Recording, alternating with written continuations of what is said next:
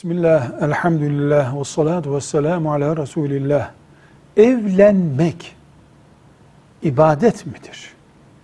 Yani namaz kılmak gibi, hac etmek gibi, Kur'an okumak gibi.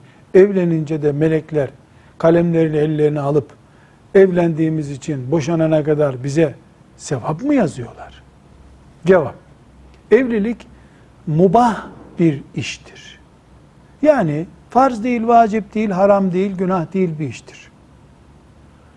Ama evlenenin niyetine ve o niyeti pratiğe dökmesine göre evlilik namaz gibi bir ibadet olabilir. Bu evlenen, nikahlanan kişinin elindedir. Evliliği ailesini, kocasını veya hanımını ne niyetle gördüğü çok önemli. Bütün zevklerine ve keyiflerine rağmen evlilik ibadete dönüşebilir.